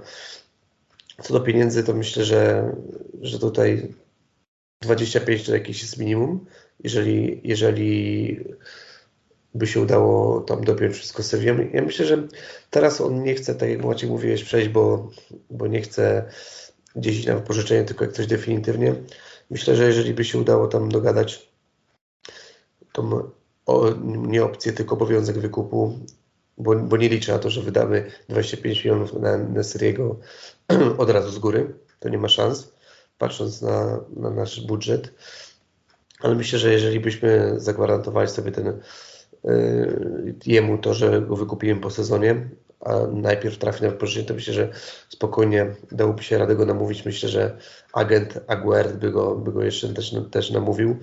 Ale, ale co do tego, co, co rozmawialiśmy o tym, że nie potrzebujemy, yy, jakby to nie jest nasz problem główny jeśli chodzi o środek ataku. Na pewno to nie jest, to nie jest problem, który, który generalnie rzutuje na naszą grę, bo mamy problem w stwarzaniu sobie sytuacji, a, nie, a napastnicy okay, czasami zdarza im się im nieskuteczność, ale, ale w do poprzedniego stanu to, to mało sytuacji kreujemy. Myślę, że przy, kontu, przy, przy kontuzji Corneta niegłupim pomysłem byłoby przesunięcie Antonio na skrzydło, tak? bo on troszkę jakby stał się też, yy, może jakby to powiedzieć, trochę, trochę obrońcy też już go czytają i, i widzimy w tym sezonie, że mu jest ciężko, ciężko w ataku, bo po drugie jest bez formy, to też wiadomo, ale myślę, że Enesiri mógłby walczyć ze Skamaką o, o, o, pierwszy skład. Myślę, że docelowo to jednak Skamaka był pierwszym wyborem, ale na pewno na pewno Enesiri by też by chciał się pokazać w, w Premier League. To jest pewnie Ten... temat, który jest rozważany, że kupujemy napastnika, a wtedy Antonio jest tak naprawdę zastępcą Corneta. Powiedziałeś, że obrońcy go czytają i ja uważam, że sędziowie go czytają, bo myślę, no że też. wielokrotnie niesłusznie nie są odgwizywane na nim faule, bo zobaczyli jaki jest jego styl gry, zobaczyli, że on szuka tych fauli, próbuje pod nie często grać i niestety często mu nie wierzą, kiedy on naprawdę jest faulowany i staranowany przez obrońców. Wiadomo, że to jest duży, silny piłkarz, ale ja byłem wielokrotnie w tym sezonie zaskoczony decyzjami, gdzie on ewidentnie jest faulowany i te decyzje nie są gwizdane. patrząc na to, jak w powietrzu gra Nesteri, to mnie wcale nie dziwi, że od tylu lat David Moyes o niego zabiega, bo to jest gościu, który jest wysoki, który jest tak naprawdę posturem Andy'ego Karola, który jest świetny w powietrzu i przy tym naszym graniu Moisowym, gdzie, gdzie bardzo dużo dośrodkowujemy piłkę, to myślę, że, że miałby, miałby dużo, dużo sytuacji do, do wykazania się. Na pewno jest dużo lepszy w powietrzu niż Skamak, chociaż są, mają, są podobnego wzrostu. Co do tej ceny, to myślę, że też kurczę, tak to jest z tym mundialem. Jeżeli, jeżeli gościu zagrał dobry mundial, zagrał te, strzelił te dwie bramki, to i tak ta cena pójdzie w górę. A Sevilla, Sevilla myślę, że w ich sytuacji to też nie będzie chciał go tak, tak, tak łatwo puścić, ale jeżeli już by się udało, to, to myślę, że bez jakiegoś wielkiego hura optymizmu, ale myślę, że jako tak uzupełnienie składu i gość do rywalizacji, to, to jest, jest w porządku ten transfer. Ja się zgadzam z tym, co wcześniej Łukasz powiedział. Jak to jest człowiek, którego chce menadżer, to trzeba mu go sprowadzić. W ogóle bardzo jestem zawiedziony tym, że jednak są piłkarze, których sprowadziliśmy i Mois na nich nie stawia. Mamy Emersona, który jest bardzo utytułowany. Nie może być piłkarzem w przypadku, skoro grał w Chelsea i gra w reprezentacji Włoch. W, w Romie, tak? To też nie, tak, tam nie grają więc... przypadkowi ludzie. Zastanawia mnie też, e, skoro już rozmawiamy o transferach, jak ten tandem Mois-Newman, jak to wszystko funkcjonuje, bo Ex mówił, że właśnie te transfery to są Newmana bardziej, czy, czy jego, powiedzmy, pilotowane przez niego, ale co z tego, jak potem Mois nie wystawia tych piłkarzy do gry? Gdzieś to mi się nie spina, szczerze powiedziawszy. Więc jak tu jest piłkarz, którego chce trener, a jednak wszyscy chcemy, żeby ten trener zaczął osiągać dobre wyniki, żeby, bo tak ja, ja też jestem Mois out, czy też? Wiadomo, jak ta sytuacja jest, tak? Wszyscy chcemy, żeby on jednak zaczął wygrywać, zaczął punktować i ja będę najbardziej szczęśliwym człowiekiem na świecie, jak on znajdzie metodę, żeby odmienić nasze losy. Jakiś tam, tak jak rozmawialiśmy, to, że zaczął pakiety wystawiać na pozycji 8, czyli widzi, że tam, gdzie on gra w Brazylii, może też grać w klubie, więc są jakieś tam drobne symptomy, że ten Mois coś tam się powoli może uczy. Ale dobrze, bo żeby nie odbiegać tematu transferów, jeśli nie Enny Syrii, to drugim naszym celem jest Terem Mofi. Jest to 23-letni Nigeryjczyk, napastnik grający w ligę w Lorient. On w tym sezonie w 16 spotkaniach e, zdobył 10 bramek i to jest cel numer dwa. Powiedzcie, gdybyście mieli wybier wybierać między tymi dwoma piłkarzami, Piotr, tutaj wiem, oddam Tobie głos, bo wiem, że ten piłkarz był brany przez Ciebie gdzieś na, na tapet i przyglądałeś się jego grę. Mam insiderską informację, w którą ciężko będzie kibicom uwierzyć, ale w 2020 roku ten zawodnik był o krok od dołączenia do ŁKS-u w Ekstraklasie. Naprawdę grał wtedy na Litwie i tam ŁKS-u ostatecznie nie było stać, ale to nie była jakaś wielka kwota, można było go za, za 200 chyba tysięcy euro ściągnąć do Polski. To się nie udało. Facet poszedł do ligę, chyba 32 bramki strzelił w ciągu, w ciągu dwóch i pół sezonu, co jest świetnym wynikiem.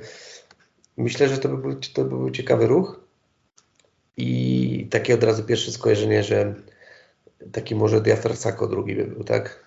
Zawodnik po, podobne walory ma. Myślę, że, że dużo, dużo, mają, dużo mają wspólnych cech, ale no też widzimy, że konkurencja jest duża, tak? Okay może, może kluby nie większe od nas o, o, niego zabiegają, ale na pewno kluby, które mają więcej gotówki obecnie, więc Southampton czy ktoś na spokojnie mogą wyłożyć 20 milionów na pasnika w tym okienku, a myślę, że u nas to by były ciężary. Dalej na liście zainteresowanie jest Turan, ale nim też interesuje się masa innych klubów, choć podobno kwota za niego nie jest wygórowana, bo mówi się o przedziale 12-16 milionów. Bo kontrakt mu się kończy teraz. Tak jest. Brereton Diaz, z którym łączeni jesteśmy podobnie jak z Enny Syrim, któreś już okienko. Tu sytuacja jest taka, że kończy mu się kontrakt latem i czyha na niego Newcastle. Jedyną naszą szansą jest to, żeby zaoferować teraz 12-15 milionów, taki przedział podał X, i zapłacić po prostu podczas najbliższego okienka Blackburn. Nie wierzę w to, że zapłacimy tyle za piłkarza, któremu za pół roku kończy kontrakt i który w Premier League jest niesprawdzony, szczerze powiedziawszy. To nazwisko zawsze tutaj wraca jak bumerang, ale, ale w niego akurat nie wierzę, choć nie ukrywam, że chętnie bym go zobaczył w barwach motów, bo przeciwko nami zagrał dobre spotkanie, zdobył piękną bramkę. Na poziomie reprezentacyjnym też ma niezłe liczby od jakiegoś czasu, więc Więc akurat plus to, że poza napastnikiem też swobodnie operuje jako skrzydłowy, więc uważam, że to byłby niezły wybór. Kontynuując, mm, Declan jest celem numer jeden dla Arsenalu na lato i to jest ciekawy news, bo wcześniej mówiło się sporo o Chelsea, mówiło się o klubach z Manchesteru. Wydaje mi się, że Arsenal trochę nie był poważnie traktowany z dwóch powodów. Pierwszy, bo oni mieli jednak kryzys, jeśli chodzi o grę przez ostatnie dwa lata, w tym się pięknie, pięknie ustabilizowali, rozwinęli, gdzieś ci piłkarze dojrzeli do tego, żeby walczyć o tytuł. A drugi, wydaje mi się, że nie widzieliśmy ich jako finansowo zdolnych do konkurowania z Chelsea czy z Manchesterami. Powiedzcie mi, czy chcielibyście, bo liczmy się z tym, że Declan odejdzie latem. Jest to coś, czym jako kibice musimy się niestety godzić. Jak się zapatrujecie na to, gdyby miał właśnie w tej w tym szalonym młodym zespole Artety występować Piotr? Nie wiem, czy pamiętacie, jak Adaś Targowski był u nas yy, w Młodkaście, czy jeszcze rozmawialiśmy właśnie o Deklanie Rajsie w Arsenalu. Ja mówiłem, że ja bym go widział w Arsenalu, w tej drużynie młodych wilczków. Myślę, żeby tam pasował tym bardziej patrząc na to, jak ten, jak ten zespół się rozwija i myślę, że to byłby ciekawy, ciekawy krok dla niego, bo myślę, że, to nie, że Arsenal to nie jest drużyna, która wróci do, do czwórki na, na rok, na dwa, tylko myślę, że tak, jeżeli tam będą dalej tak budować tę drużynę, to mają szansę się spokojnie utrzymać w tej czwórce ale, ale też pytanie, czy Arsenal jest w stanie dać tyle pieniędzy, ile chcemy za niego. Wyliczymy na tą stówę, na to 90 milionów, ale no, to jest pytanie, nie wiem, Łukasz, co sądzisz na ten temat? No, znaczy to na pewno. Czy, czy Arsenal wyłoży kasę? Jakiś jest celem numer jeden, to zakładam, że, że wyłoży. I, i wiedzą, oni wiedzą, ile on może kosztować, nie? więc już to sobie pewnie coś tam prze, przekalkulowali. Ale ja właśnie nie wiem, na ile to jest permanentna sytuacja, że ten, jakoś jeszcze mnie gryzie ta myśl, że Arsenal jest już na topie. Nie? Znaczy, kurczę, za dużo widziałem takich no One nie, Season to, Wonders. No, znaczy nie, no tam rzeczywiście buduje się fajny projekt, młody zespół i tak dalej, ale ja nie, jeszcze nie mam, może to jest mentalna bariera, żeby, że jeszcze nie mogę Oni postrzegać... w naszych głowach są wiecznie czwarci. Może dlatego, no. Znaczy ja pamiętam duży, taki wielki Arsenal, nie? Dla ja myślę, że... zawsze duża marka. Pewnie, no Invincibles. Ale... A, Arsenal myślę, że obecnie, wiadomo, jest, jest liderem, fajnie grałem, ale myślę, że docelowo to kibice Arsenalu by się, by się po tych ostatnich sezonach by się nie, nie pogniewali, jakby wrócili na to czwarte miejsce.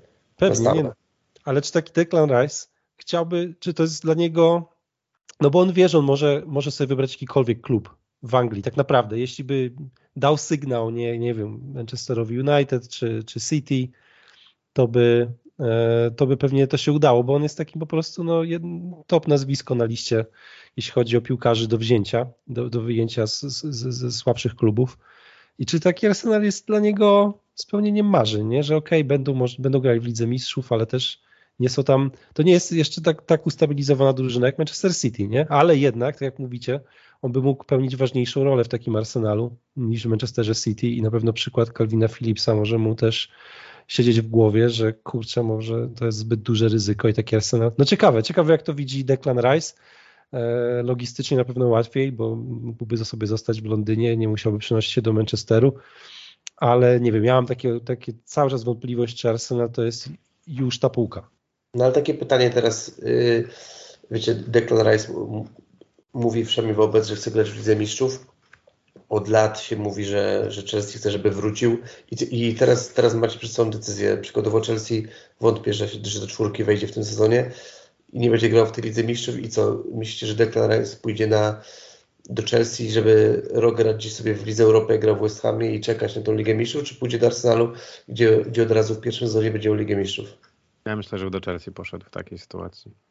Choć, ale wydaje mi się, że w dużej mierze przez Mounta, przez sentyment, jaki tam ma, ale ja projektu Chelsea jeszcze nie kupuję, szczerze powiedziawszy. To są na razie imponujące transfery, ale trochę robi się ja, Wydaje ja... mi się, że będzie taki tabun piłkarzy, mhm. a żeby ta maszyna dobrze funkcjonowała. Bardzo mi się podoba, jak Newcastle buduje swój zespół. Pamiętacie, że nawet jak City zaczęło czasy szejków, to tam chyba 3-4 sezonów potrzebowali, żeby tak naprawdę się na dobre zadomowić w tym absolutnym topie. I jak patrzę, co robi Chelsea, to są świetne nazwiska, które sprowadzają, bo dograny jest Nkunku od e, wraz z końcem sezonu, dograny jest teraz Badia Shield, tak, świetny obrońca. Ale jeszcze tego nie czuję i wyniki póki co też nie przekonują. Choć akurat pomoc mają troszkę zardzewiałą. Uważam, że Jorginho w tym sezonie słabo bardzo wygląda. Jedynie Kowacić wygląda solidnie. No i Zakary jak zaczął dostawać szanse, to też powiedzmy ma przebłyski, ale akurat wydaje mi się, że tam w pomocy potrzebny jest ktoś, kto im to dźwignie i Rajskim takim mógłby być. Ja, ja uważam, że Rajs jest na tyle inteligentnym gościem, mam takie zdanie, że on dopiero pójdzie do tej Chelsea, jak ona będzie już poukładana. Okej, okay, jest, jest duże prawdopodobieństwo, że przy takich nazwiskach potrzeba czasu i Chelsea odpali, bo odpali, taka jest prawda, ale nie wiadomo, czy odpali w przyszłym sezonie, czy jeszcze w tym, czy za dwa lata. I myślę, że on będąc na tym etapie, etapie kariery, będąc y, przechodząc z West Hamu do, do, do, nowego klubu, to będzie szukał już takiego pewniaka, żeby być na tym najwyższym poziomie. Mhm. Powiedzmy, że Arsenal kończy jako mistrz, albo nawet jako, jako dwójka, bo jako mistrz to wydaje mi się, że będzie jasna sprawa, żeby poszedł mhm. do Arsenalu. Arsenal kończy na drugim miejscu, a Chelsea na szóstym. I Declan otrzymuje oferty równie atrakcyjne, powiedzmy finansowo, z jednego i z drugiego klubu. I według Was jaką decyzję podejmuje? Ja uważam, że Arteta by go przekonał do Arsenalu. I, i, by, I dopóki się sytuacja nie wyklaruje w tej Chelsea, to, to, to jeszcze by, by trochę zwolnił z tym. Albo by poczekał z transferem jeszcze rok, co byłoby. W to nie wierzę, bo musiałby kontrakt nas przedłużyć. Dobry, no wiecie, wiecie, to dla nas, dla nas to już nie będzie, to, jest taka pocałunek śmierci, bo jeżeli by chciał zostać jeszcze na rok, to tak naprawdę prawda, my, prawda. Już, my, my już nie mamy, nie mamy, nie mamy szans się na dobry zarobek na nim, bo i, i, i jedynie ratuje nas zostanie Deklana z przedłużeniem kontraktu przy minimum o rok kolejny. Wspominał, że liczymy tu na zaciętą walkę, jeśli chodzi o oferty między Arsenalem i Chelsea, bo wtedy te, przy dwóch mocno zainteresowanych zespołach my tak naprawdę tylko czekamy, kto zaoferuje najlepszą, najwyższą mm, propozycję, więc to byłoby nam na rękę, żeby to nie był jeden wiodący zespół w tej batalii o jego podpis, tylko żeby przynajmniej dwa albo i więcej, bo też uważam, ten temat City wcale nie jest taki nierealistyczny. Calvin Phillips, to, że Guardiola publicznie powiedział, że piłkarz nie jest w formie, że ma nadwagę, to uważam, że jest mocny sygnał. Ok, z jednej strony może to być taki wake-up call dla niego, hej stary ogarnij się, bo Menago publicznie krytykuje się w mediach i być może taka właśnie terapia szokowa była celem Guardiola, a być może on po prostu widzi, że to nie jest taki piłkarz, jakiego oczekiwał, jeśli chodzi o aplikację w treningu, jeśli chodzi o, o to, jak się odnajduje w tym systemie. Jak ty Piotr My, myślisz? Uważasz, że Rise do City to jest realistyczna opcja? I wtedy, czy pytanie też, jakbyś się zapatrywał jako fan modów na ewentualną transakcję wiązaną Philips do nas, a Rise do nich i jakieś tam, nie wiem, 40-50 baniek w zestawie?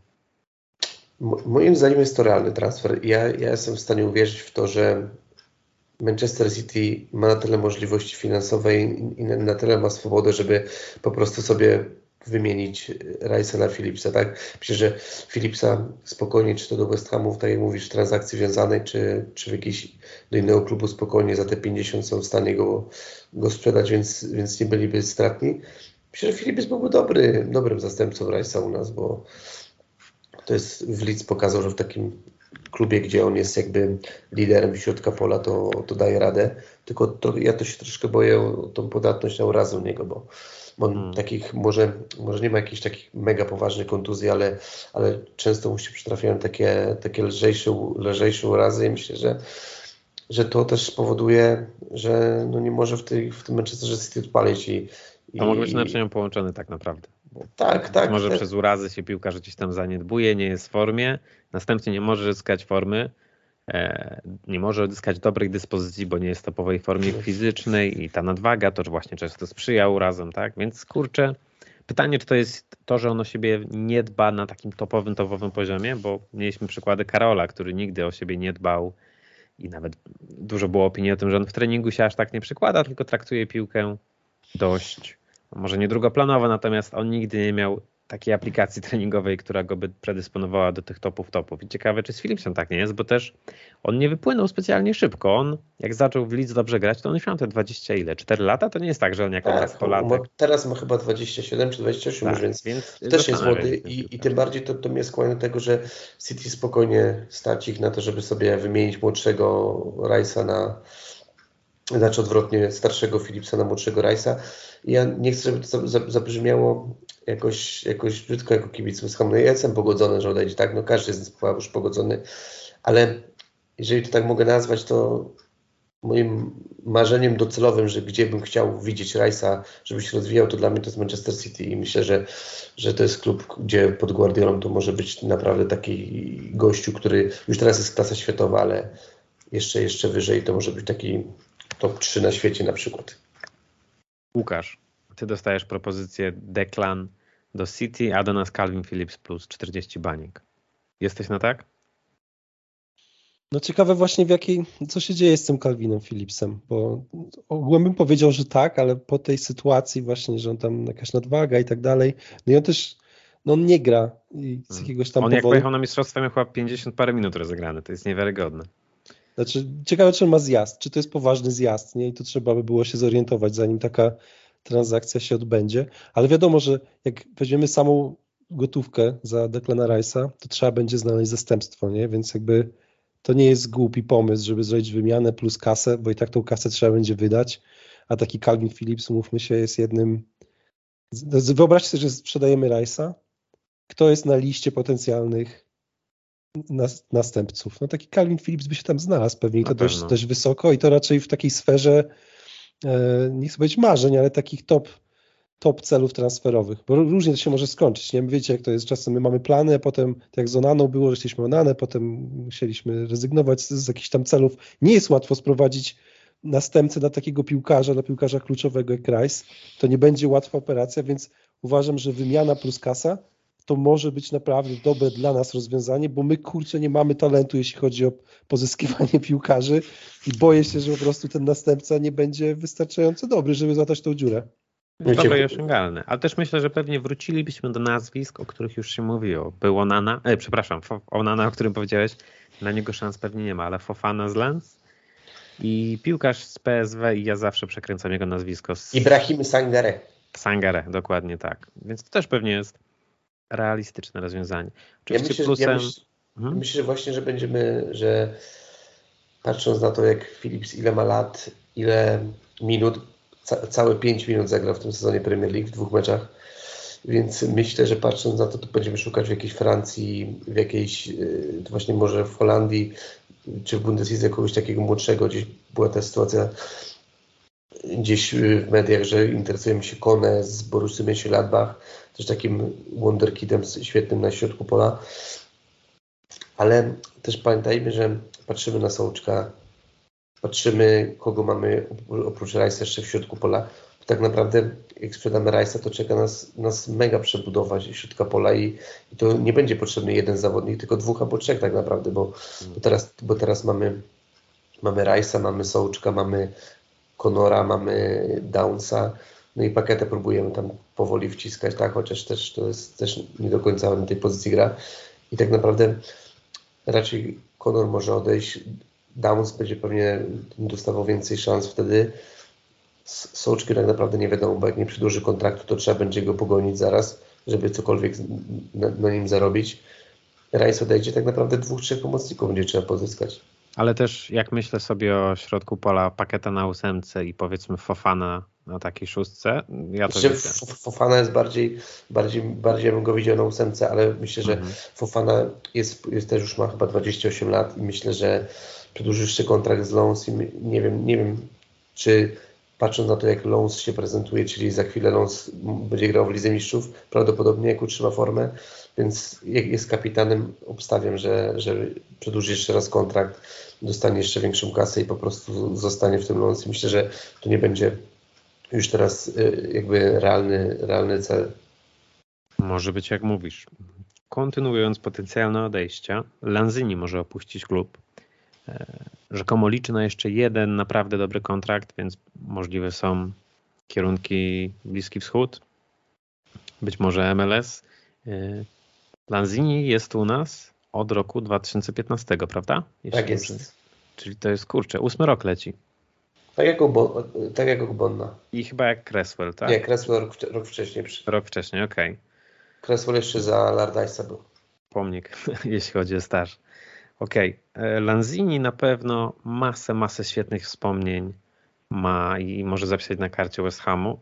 Wielka szkoda tej kontuzji, kiedy on wchodził do kadry Argentyny, kiedy był w kapitalnej dyspozycji jako ofensywny pomocnik, bo według mnie po tej kontuzji już nigdy nie wrócił do tej dyspozycji. Nawet jak miał jeden dobry sezon, gdzie z Arnautowiczem dobrze oboje ciągnęli nas za uszy, to jednak już nie był ten Lanzini.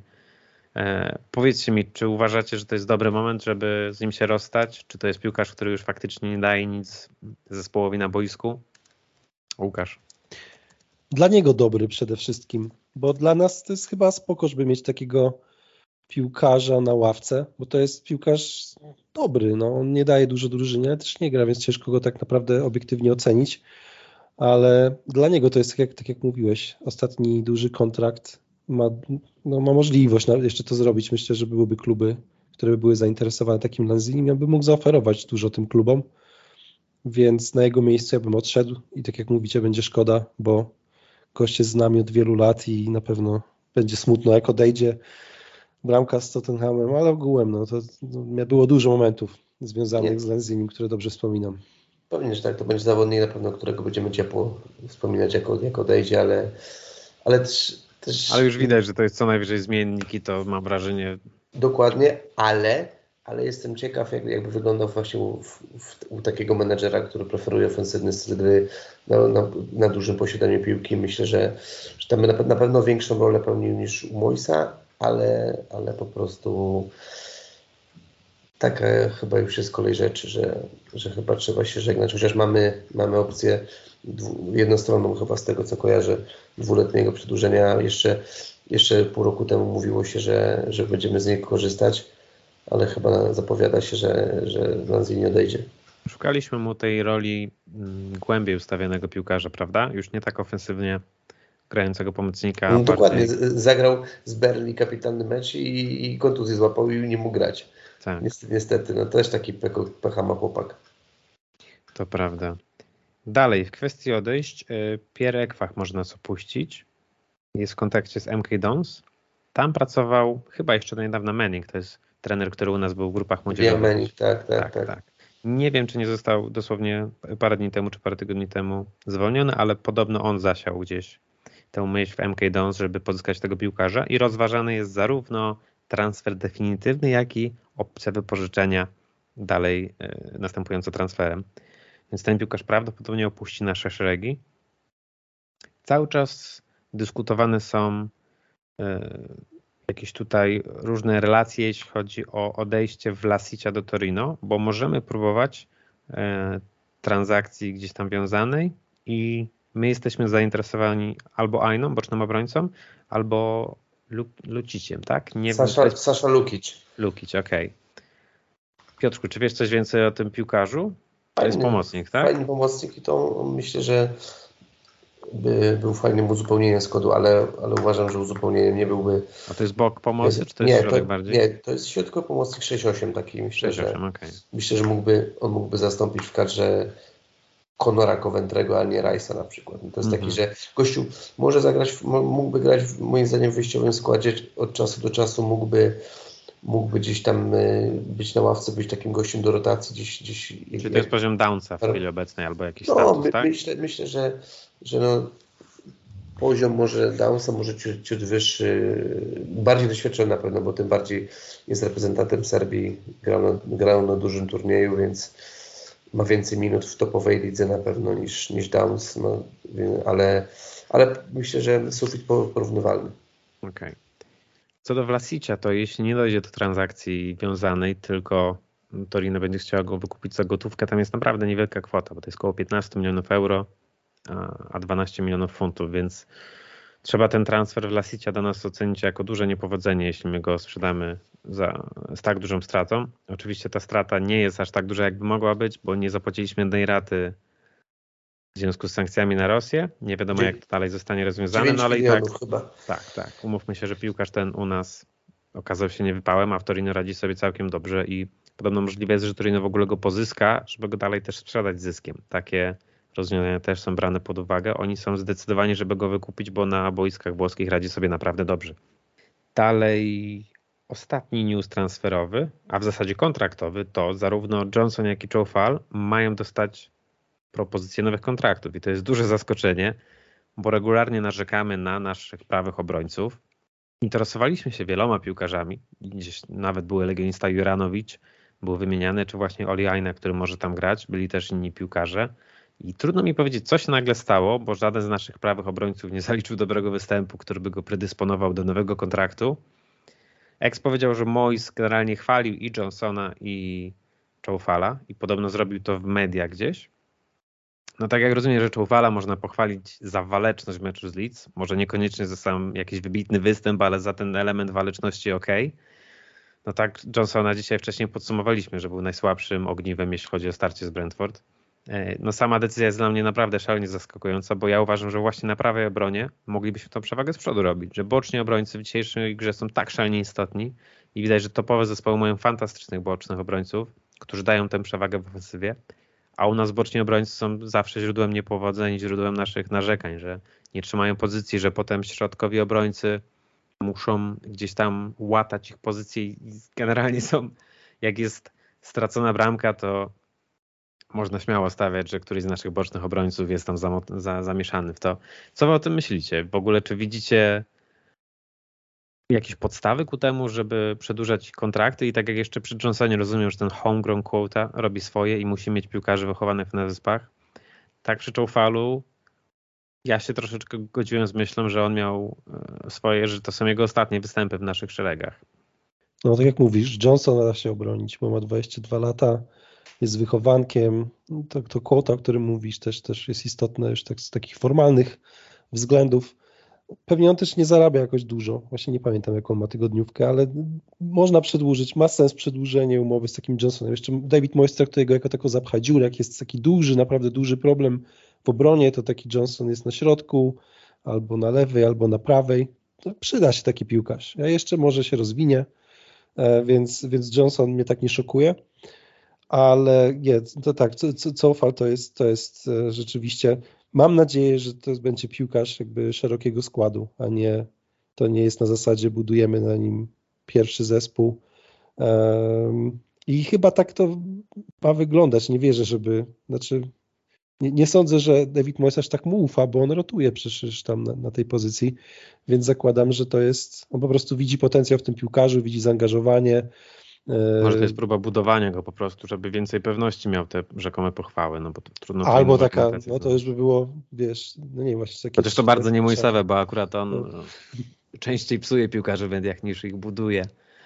No właśnie nie spodziewałbym się tego, że to jest jakiś taki mind game, że on tak tylko mhm. blefuje teraz, żeby ich zbudować, ale może, nie wiem, może tam rzeczywiście takie rzeczy się robi, ale Cofal jest takim piłkarzem, no my go lubimy wszyscy chyba i za te rzeczy, za które go lubimy, to pewnie za te rzeczy właśnie Mois chce go zostawić w zespole, nie? Jest taki gość, który wyjdzie, będzie gry strawę, brakuje mu umiejętności, dośrodkowanie już nie te, szybkość nie ta, ale e, na ławce mieć takiego obrońcę, moim zdaniem ma to sens, jeśli to nie jest wysoka tygodniówka, to jakoś to da się obronić, ale mam nadzieję, że my szukamy kogoś do pierwszego składu i kogoś pozyskamy na tą pozycję. Znaczy, tylko pod tym warunkiem bym przedłużał te kontrakty. Jeśli to są po prostu piłkarze do szerokiego składu, a do pierwszego składu ktoś przyjdzie jeszcze do West Hamu niedługo.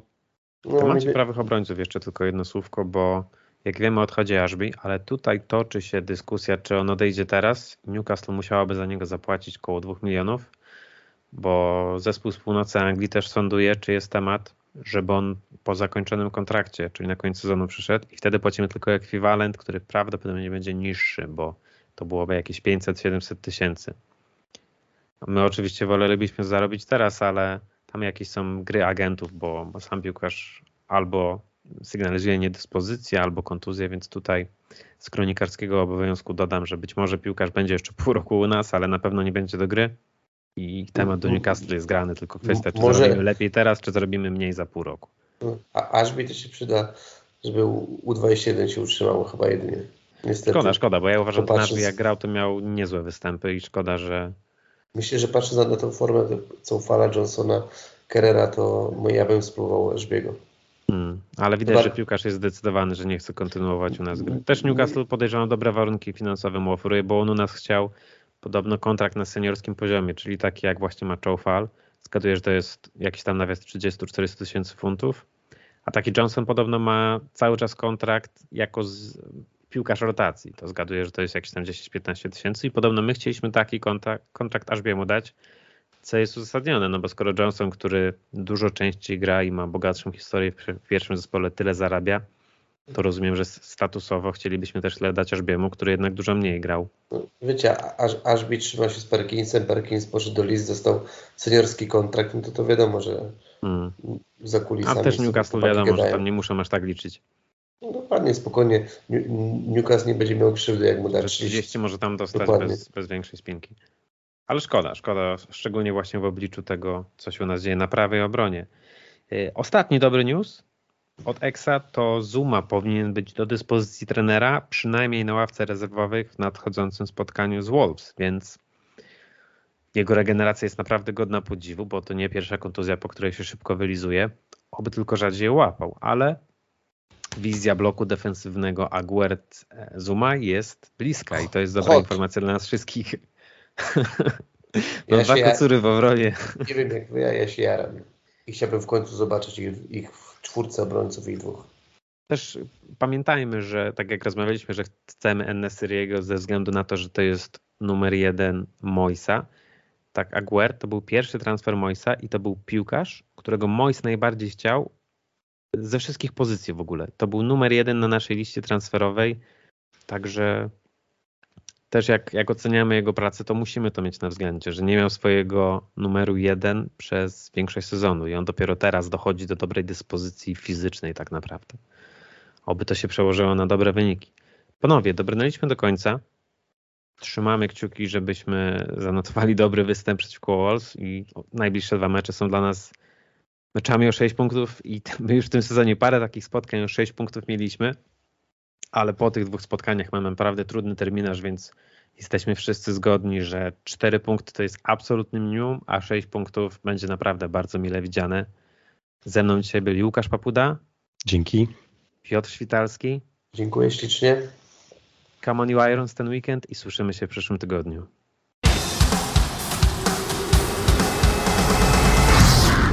Podcast.